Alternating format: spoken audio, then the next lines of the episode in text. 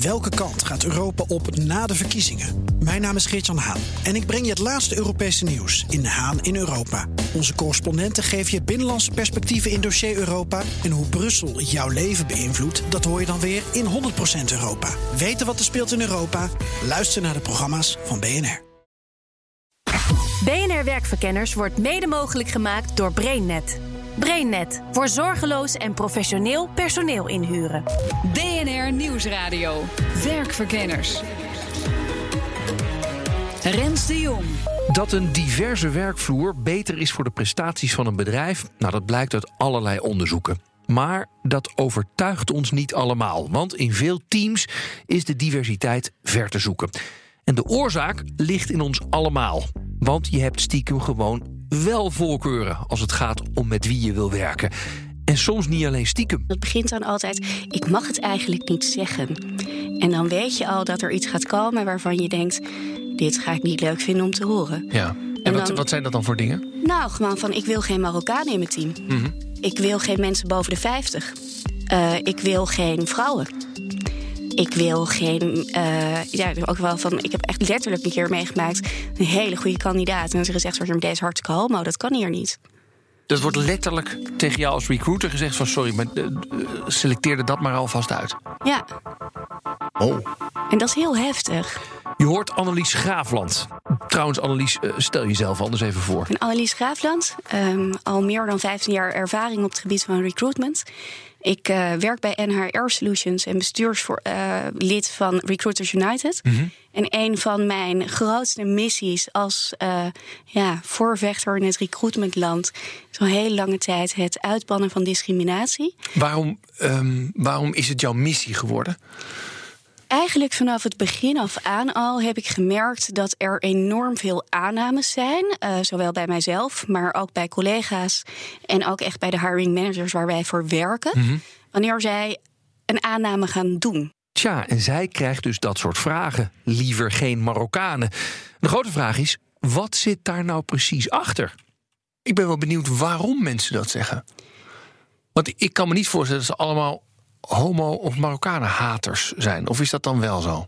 Nee, dat is zeker niet het geval. En dat is ook eigenlijk het moment dat je als recruiter ook echt het gesprek aan moet gaan. En dan moet gaan we zeggen van joh, waar baseer je dat op? Waar uh, komt het vandaan? Maar waar, kom, waar, waar, komt Marokkanen vandaan? Waar komt vaak op basis van ervaringen, maar ook door dingen die. En wat voor ervaringen zijn dat dan?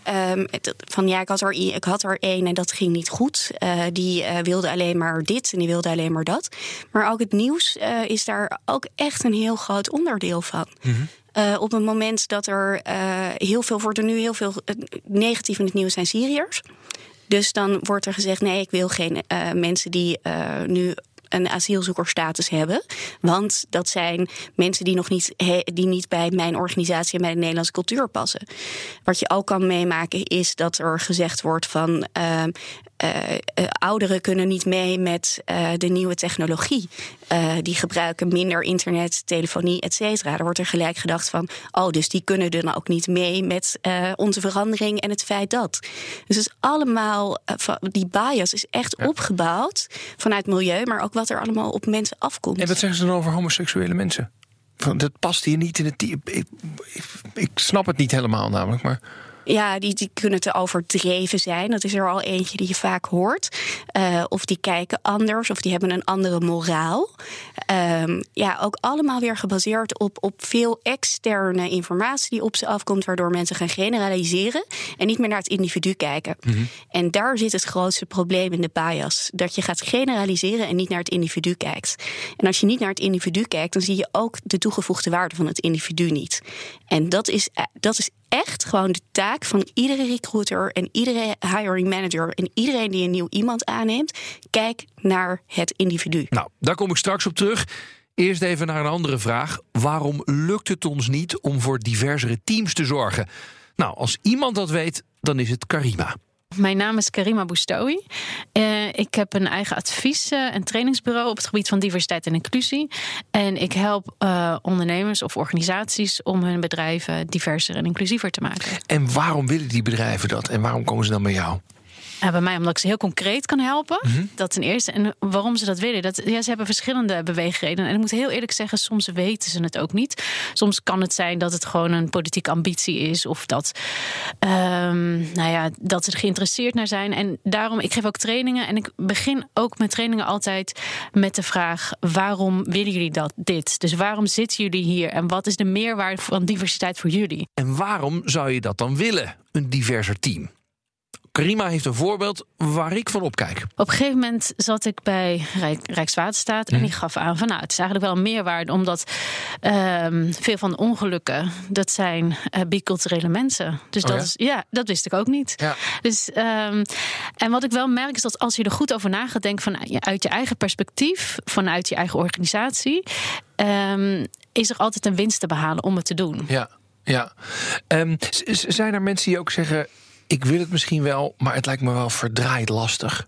Ja, en dat is ook gewoon een heel eerlijk antwoord. En ja, en het is ook gewoon ongelooflijk lastig. Zelfs in teams, als je allemaal verschillend bent, dat, dan heb je gewoon af en toe wrijving. Hoe ga je daarmee om als leidinggevende? Dus dat is ingewikkeld. Ja, ja. Dus, je, dus misschien willen we dit wel, maar je laat jezelf wel weer met werk op. Ja, maar ik denk, kijk, als je er goed over na gaat denken waarom je dit zo graag wil, dan laat je jezelf ook weer met werk op. Maar dat betekent groei, zo zie ik het in de positieve zin. Ja, Ehm, en de winst die je eruit haalt is nog veel groter dan wat het je kost. Ja, Nee, ja. want, want, want kun, je, kun, je daar, kun je daar iets over zeggen? Van waarom dit eh, zoveel winst oplevert? Ja, het, ehm, kijk, voor, nogmaals, voor elke organisatie is het anders. Ik ben zelf, eh, heb ik eh, als beleidsmedewerker bijvoorbeeld gewe- gewerkt bij een eh, grote gemeente, bij de gemeente Den Haag. En wat je daar zag is ehm, beleidsmedewerker jeugd of WMO, et cetera. Dat daar werd beleid op bedacht wat voor de helft van de stad van toepassing was. Ehm, dan dachten ze na over hoe bereik je de doelgroep. En dan da- werd er nagedacht over termen als abris en folders, et cetera. Ehm, maar dat betekent dat je de helft van de stad mist. Ja. Dus dat soort kleine dingen zijn hartstikke gewoon, omdat groot. mensen gewoon geen Nederlands kunnen, zeg je. Een gedeelte van de doelgroep dat niet kon. Of, Ja, dat kan. Het wordt vaak gezocht in taal. Maar de meeste, ik noem het biculturele mensen, die spreken echt wel goed Nederlands. Maar hebben gewoon een andere manier hoe je ze kan benaderen. Ja, ja. Dat is gewoon een groot verschil vaak. ja, ja, en dan ga je er heel erg op de Nederlandse manier naar kijken. En dan mis je dus de helft van de stad. Absoluut. Ja, Ja. ja. En dan heb je dus iemand in je team nodig die zegt: ja, ik, heb er even, ik zit er even naar te kijken, maar die gaat gewoon niet werken bij een gedeelte van de mensen. Inderdaad. Omdat ze die blik wel hebben. Inderdaad. Dus creatieve stemmen, eh, mensen in je team halen die anders denken, met andere oplossingen komen. Eh, ja, absoluut. Ja, Dus het levert je veel op, maar het hoeft niet altijd makkelijk te zijn. Nee, maar ik denk dat het hele leven niet makkelijk is. Dus dat, ja. Daar heb je wel gelijk in. Ja. Ja. Charita Boon is commercieel directeur bij DPG Recruitment. Onderdeel van DPG, vroeger beter bekend als de persgroep. Nou, zij leidt daar een team en vindt diversiteit in die club heel belangrijk. Maar dat gaat niet vanzelf, want het is natuurlijk wel heel makkelijk allemaal mini-mies aannemen. Het is makkelijker om mensen aan te nemen die op je lijken, zeer zeker.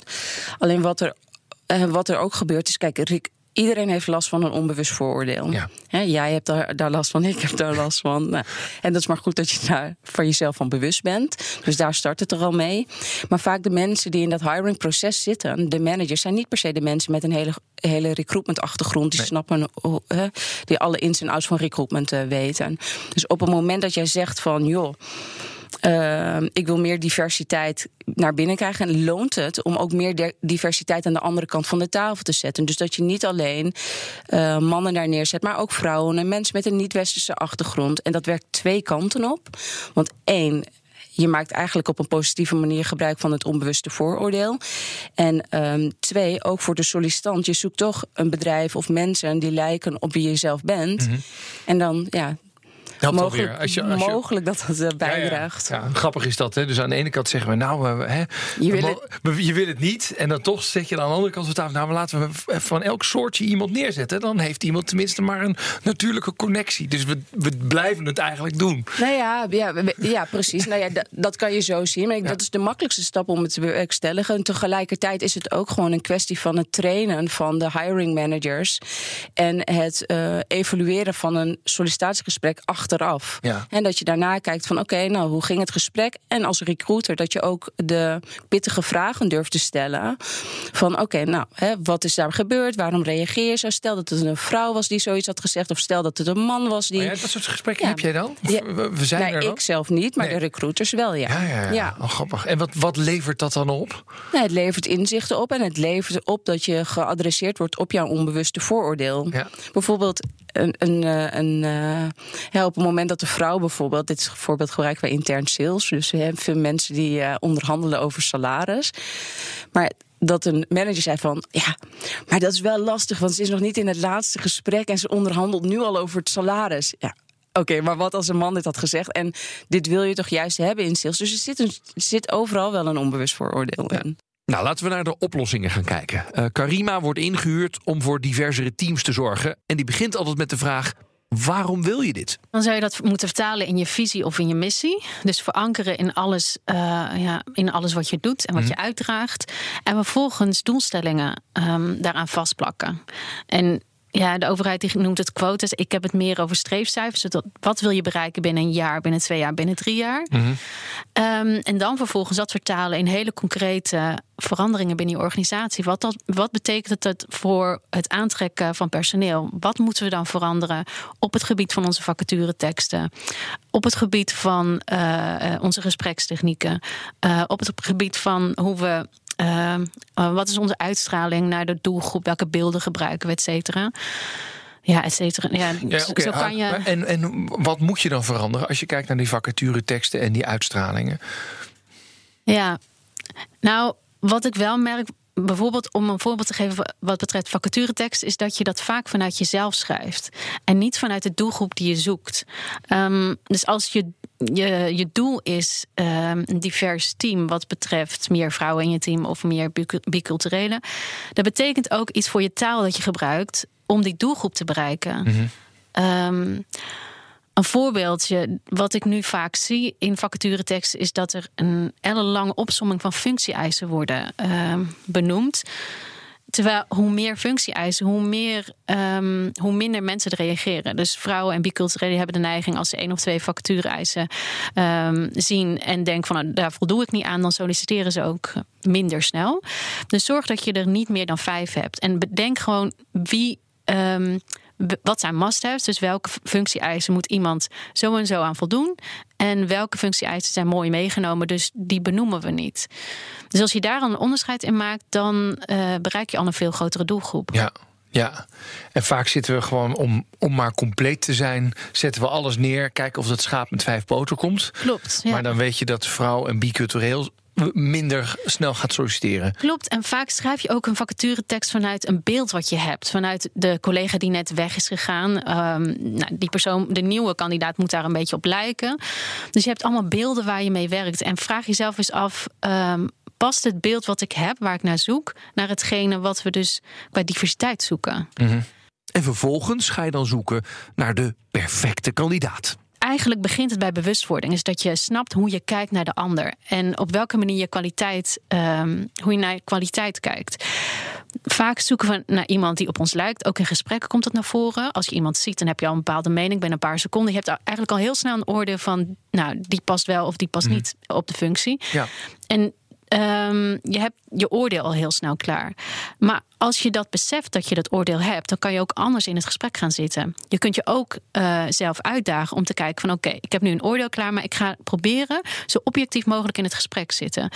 En natuurlijk, wat nog veel beter helpt, is dat je je vragen al van tevoren hebt. ehm, eh, opgesteld en dat je iedereen dezelfde vragen stelt. Gestructureerde, gestructureerde eh, interview. interview, ja. ja. Daar hebben jullie het al een keer over gehad. De aflevering van 1 oktober was dat, over sollicitatiegesprekken. Maar besef je wat je eigen vooroordelen zijn. En ehm, ja, daag jezelf erop uit om alsnog mensen een kans te geven. Ja. Ook mensen die niet op je lijken. Ja.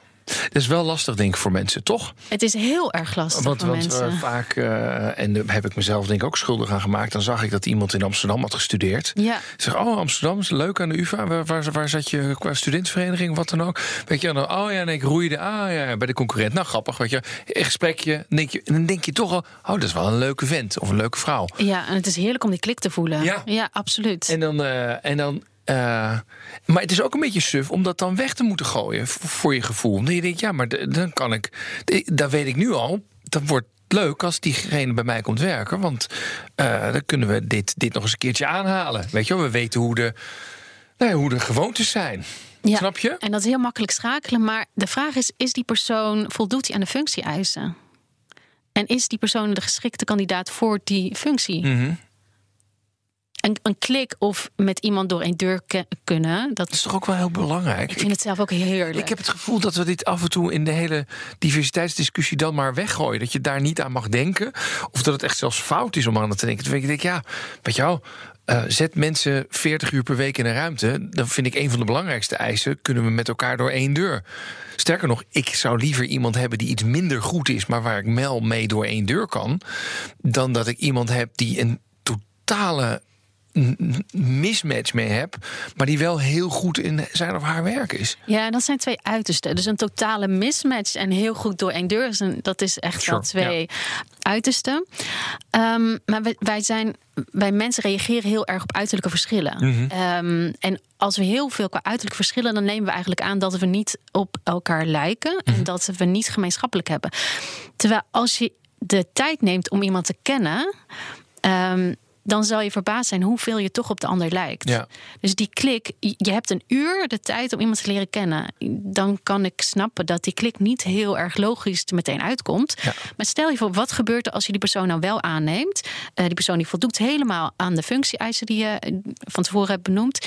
Ehm, en je neemt die persoon aan en die is toevallig eh, is het een nou, bicultureel iemand. Maakt niet uit waar die vandaan komt. Ehm, en je leert die eh, persoon kennen en je, je gaat ermee werken. Ehm, wat gebeurt er dan? Want vaak zie je dus veel meer overeenkomsten. Ja, je- dus je vindt altijd wel wat, zeg je eigenlijk. Absoluut. Ja, Ja, ja. we zijn mensen allemaal. We lijken echt veel meer op elkaar dan dat we denken. Ja. Straks komen er heel veel verschillende mensen binnen in ons bedrijf. Maar hoe zorg je er nou voor dat je ze allemaal binnenhoudt? En dat ze ook evenveel kans maken om door te groeien. Dat hoor je zo meteen. BNR Nieuwsradio. BNR Werkverkenners. Deze uitzending gaat over diverse team. En stel, je hebt ze binnen. Jouw teams zijn divers. Hoe zorg je ervoor dat je ze dan binnenhoudt? Wat ik wel eens hoor als ik met CEO's praat, die zeggen: en dan doe je zoveel moeite en dan is de uitstroom van die groep best behoorlijk groot. ja, en dan begint dus inclusie. Ja, Want hoe zorg je dat iemand zich thuis voelt? En dat is ja, goed kijken naar je eh, processen. En hoe zorg je dat je ehm, die persoon die net nieuw is en die niet lijkt ehm, op het team wat er al zit, zich toch thuis voelt. En dat is soms, dat kan een uitdaging zijn, absoluut. Maar het begint waar wel ligt dat aan? door. Ja, er is een bepaalde cultuur. En die cultuur, die heersende cultuur, die, ja, die, die, ja, die moet openstaan. Maar ehm, het is fijn als die open staat voor mensen die niet zozeer heel snel in die cultuur passen. Ja, ja, dus dan moet je. eh, dat is niet alleen de, de, de mensen die mensen aannemen, maar het hele bedrijf. Moet, waar gaat het mis? Waar, waar hoor jij verhalen dat je zegt: ja, dit, dit, dit, lukt dan niet? Bij onboarding begint het al en dan gaat het ook vaak mis. Ehm, ja, ik, ik eh, sprak een, eh ehm, een rechtenstudente. Ehm, en die had een bijbaantje op een eh, advocatenkantoor. En die is na twee maanden, denk ik, al weggegaan. En ze heeft vier, drie, vier gesprekken gehad. ehm, met waarom ze dan zich niet lekker voelde in de cultuur. En ik heb dat ook he- helemaal doorgevraagd aan haar. Maar wat zij uiteindelijk als antwoord gaf, is dat ze eigenlijk een beetje aan de lot werd overgelaten. Ehm, niemand was er die haar begeleidde. Ja, en dat ze zich daardoor ook niet thuis voelde binnen het bedrijf. Ja. Dus zorg in eerste instantie, en dat geldt dus voor iedere nieuwe medewerker, dat je een goed onboarding eh, proces hebt. ja. Ehm, en was dit, was dit vooral omdat zij een biculturele achtergrond had? Of dat zij vrouw was? Of was het gewoon een lompe stagebegeleider? Nou, het, het was een het, bijbaan. eh, En, oh, ja, en, ja. maar het, ze herkennen zich niet in haar collega's. Nee. Ehm, en daardoor, en dat, dat speelt natuurlijk al mee. Maar als je dan ook nog niet een goede begeleiding krijgt, dan voel je je helemaal verloren. Ja, ja. Dus dat is. eh, Ja, ja dus, dus eigenlijk werd iemand nog wel aangenomen op het. Nou ja, van nou, hè, eh, job's done. Maar als je dan toch geen connectie hebt met de rest, dan gaat het redelijk snel mis. ja. Ja. Dus Ja. het begin is heel belangrijk. Ja. Als jij je de eerste twee, drie maanden thuis voelt, dan, dan is dat eh, heel fijn. Ja. En, en eh, wat, wat zijn oplossingen daarvoor? Ja, sowieso mo- mo- moet iedereen daar zich van bewust zijn. Dat lijkt me trouwens nog best wel een opgave. Ja, ja. Nou ja, bij, zo'n advocatenkantoor is natuurlijk interessant. Hè? Dat is ook een, een rare subcultuur, klopt. toch? Ja, Hebben, eh, nou, hebben allemaal rechten gestudeerd. eh, waarschijnlijk ergens bij, bij het koor gezeten of wat dan ook. Ja. Dat lichtballerig, tenminste, dat is wel heel erg stereotype advocaat, maar ik ken ze wel allemaal. Niet zeiken. Hè, keihard werken. Keihard Uren- werken. ja, over uren draaien. Ja. ja, nou ja, daar, daar, voilà, daar komt weer het hele punt. Ehm, dit is niet zomaar iets wat je erbij doet. Want als je dit echt goed gaat doen, dan moet je dus niet. Het is net alsof je eh, eh, je huis gaat verbouwen. Als je één ding hebt eh, behangen, dan denk je: oh ja, hé, wacht even, dan moet je ook dat gaan doen. En dat. Dus het, is, laat ik zeggen, het heeft heel wat implicaties. En de Klopt. vraag is even, lukt dat? Bij zo'n advocatenkantoor. Ik ken er hartstikke veel. Mhm. Kijk je dus aardige mensen om met af en toe denk ik, jeetje zeg, wat een types allemaal hier. Ja. En dat zijn ze allemaal, weet je wel. Vinden ze allemaal ook heel erg lekker. Maar ga dat maar eens omgooien. Ja, ik ben er niet voor om een heel cultuur om te gooien. Nee, maar dat is natuurlijk wel wat we vragen aan elkaar. Want Ja. anders, anders zijn die mensen dus... hebben we ze wel door de sollicitatie heen gekregen. Maar na drie maanden denk je, ja, nou, dit is niet helemaal mijn, mijn cup of tea. Maar onboarding, dat zou je eigenlijk voor elke nieuwe kandidaat moeten doen. En niet alleen voor eh, kandidaten die niet eh, op de huidige medewerkers lijken. Het is gewoon voor iedereen heel prettig om ehm, nou, te zorgen dat je welkom wordt geheten. Ja. En dat je snapt hoe de organisatie werkt. En wat de normen en waarden zijn. En wat de cultuur is. En ik denk dat iedereen wel eens een nieuwe baan heeft gehad. En zich enorm verloren voelde de Ja. eerste twee maanden. Nou, als je dan aan je lot wordt overgelaten. Dan heb je al een beetje ja, een nasmaak. klaar, ja. Dan ben je eigenlijk al klaar. Ja. Ja. Moet je nagaan als je dus ook nog eens een keer er anders uitziet. En het gevoel hebt van, oh, eh, misschien ligt het aan mij. Of, of ja, ik weet niet wat, wat, ja, wat je allemaal kunt bedenken. Maar je voelt je gewoon echt verloren. Dus je doet het niet alleen voor diversiteit en inclusie. Je doet het gewoon voor al je medewerkers. En zo zou er eigenlijk naar gekeken moeten worden, naar het onderwerp. Het is gewoon zorgen dat je, je, ehm, dat je niet die ene kamer behangt. Maar alle, mu- alle muren van je eh, huis zorgt dat ze goed op orde zijn. Ja. En dat is wat je doet. Ja. We gaan even fast forward. Van mensen vasthouden naar mensen laten doorgroeien. Want als het lukt om verschillende mensen binnen te krijgen, ja, dan wil je ook dat ze op een gegeven moment leiding gaan geven. Nou, Sharita is mentor voor vrouwen binnen DPG Recruitment. En ze ziet iets dat het bedrijf kan veranderen, maar ook dingen die vrouwen zelf kunnen veranderen. Vrouwen vinden vaker dan mannen dat ze intern eh, gevraagd moeten worden op het moment dat er een, een, een andere rol voorbij komt. Ik had, ehm, nou ja, ik heb commerciële economie gestudeerd, kom uit Groningen. Ik wist eigenlijk al, ik werk in Amsterdam, dus dat is sowieso een super goede combinatie. Alleen ik wist altijd al dat ik voor mijn dertigste commercieel directrice wilde worden, ergens. Ja. Ergens. Maar toen de rol hier vrij kwam voor commercieel eh, directeur, heb ik niet mijn hand opgestoken. Oh, nee. Nee, heb ik niet mijn hand opgestoken. Totdat er een interimmer eh, ter sprake kwam. En toen dacht ik in één keer, ja, want ik dacht letterlijk van oké, nu word ik wel gevraagd. Hè? Oh my god, ja. Maar goed, dat, dat dwingt je er wel toe van oké, je zit in de sales. Hoezo stil, stel je, steek je niet je hand op? Nou ja, uiteindelijk zit ik op deze positie. Ja, het is gelukt. Het is Hey, gelukt. Mhm. eh, de andere kant is eh, die organisatie zelf. Die moet veranderen. Eh, we hebben het over diversiteit en inclusie. Eh, en de negatieve kant is, we mogen niet discrimineren. Hoe zorg je, hoe zorg je ervoor dat bij het aannamebeleid... dat je minder biased bent? Nou ja, in eerste instantie begint het er al mee. ehm, even kijken, begint er. Het begint er allereerst mee dat het diversiteitsbeleid al is verankerd bij management. Hè? Ja. Dat management daar iets moet, eh, van moet vinden, dat ze daarin moeten geloven. Want anders werkt het niet door in alle lagen die daar, eh, daarna komen of Ja. daarboven zitten. En wat staat er dan verankerd? Wat, wat is daar? Wat Nou ja, staat dat, dat je het bela- belangrijk vindt dat je weet eh, in jouw organisatie hoeveel, hoe het staat met de diversiteit. Dus man, vrouw. Je meet dat ook, of niet? Ja. En dan is er nog één ding. Er komt die nieuwe wet. Nou, die wet, en dat is zoals met alle wetten die eh, met discriminatie te maken hebben. eh, ik ben er altijd heel erg tegen geweest. Maar als ik kan wel tegen blijven, maar ik zie ook dat het niet werkt. Dus dan moeten we het reguleren. Uh, en deze wet gaat reguleren dat mensen gewoon bepaalde dingen in vacatureteksten niet meer uh, kunnen opschrijven. Want er komt een algoritme. Uh, het is een heel slim algoritme. Dat door het ministerie van Sociale Zaken en Werkgelegenheid is geschreven. Combinatie doen ze samen met het College Rechten van de Mens. Waarbij gewoon echt gewoon op het algoritme op de vacature gezegd wordt: van hier staan discrimin dit, dit is discriminerend. Want je hebt het over jonge teams. Ja. Je hebt het over, over junior. Je hebt het over een starter. Je hebt het over, nou, misschien uh, voor een functie die helemaal waar geen algemeen beschaafd Nederlands voor nodig is, uh, dat je het wel vraagt. Um, en als dat door het algoritme naar boven wordt gehaald en je wordt gezegd van foei, oh, en by the way, er zit ook nog een hele flinke boete aan, dan worden mensen wel gedwongen om bewust te worden. Ja, ja. Dus net zoals als de rode stoplicht. Ook heel irritant, zeker als je haast hebt. Maar ja, je blijft wel staan. Want na drie keer een boete gehad te hebben voor 150 euro, of ik weet niet eens wat het nu is, heel hoog. Uh, ik krijg niet zo vaak door rood. Nee, ik heb dat ooit een keer gedaan, maar dat is echt heel veel. Dat ja. is bijna 200 euro. Maar hier is het 4500 euro als je ja. zo'n vacature. En ik, uh, je mag, wat mag je dan niet meer neerzetten? Je mag niet meer jong of oud. Junior mag dus niet meer. En wat mag ook allemaal niet meer? Nou, het zit hem ook gewoon echt in, in zinsopbouw. Dus ook in, uh, we werken hier met een heel jong team. Uh, we zoeken een, uh, een starter, iemand die net is afgestudeerd.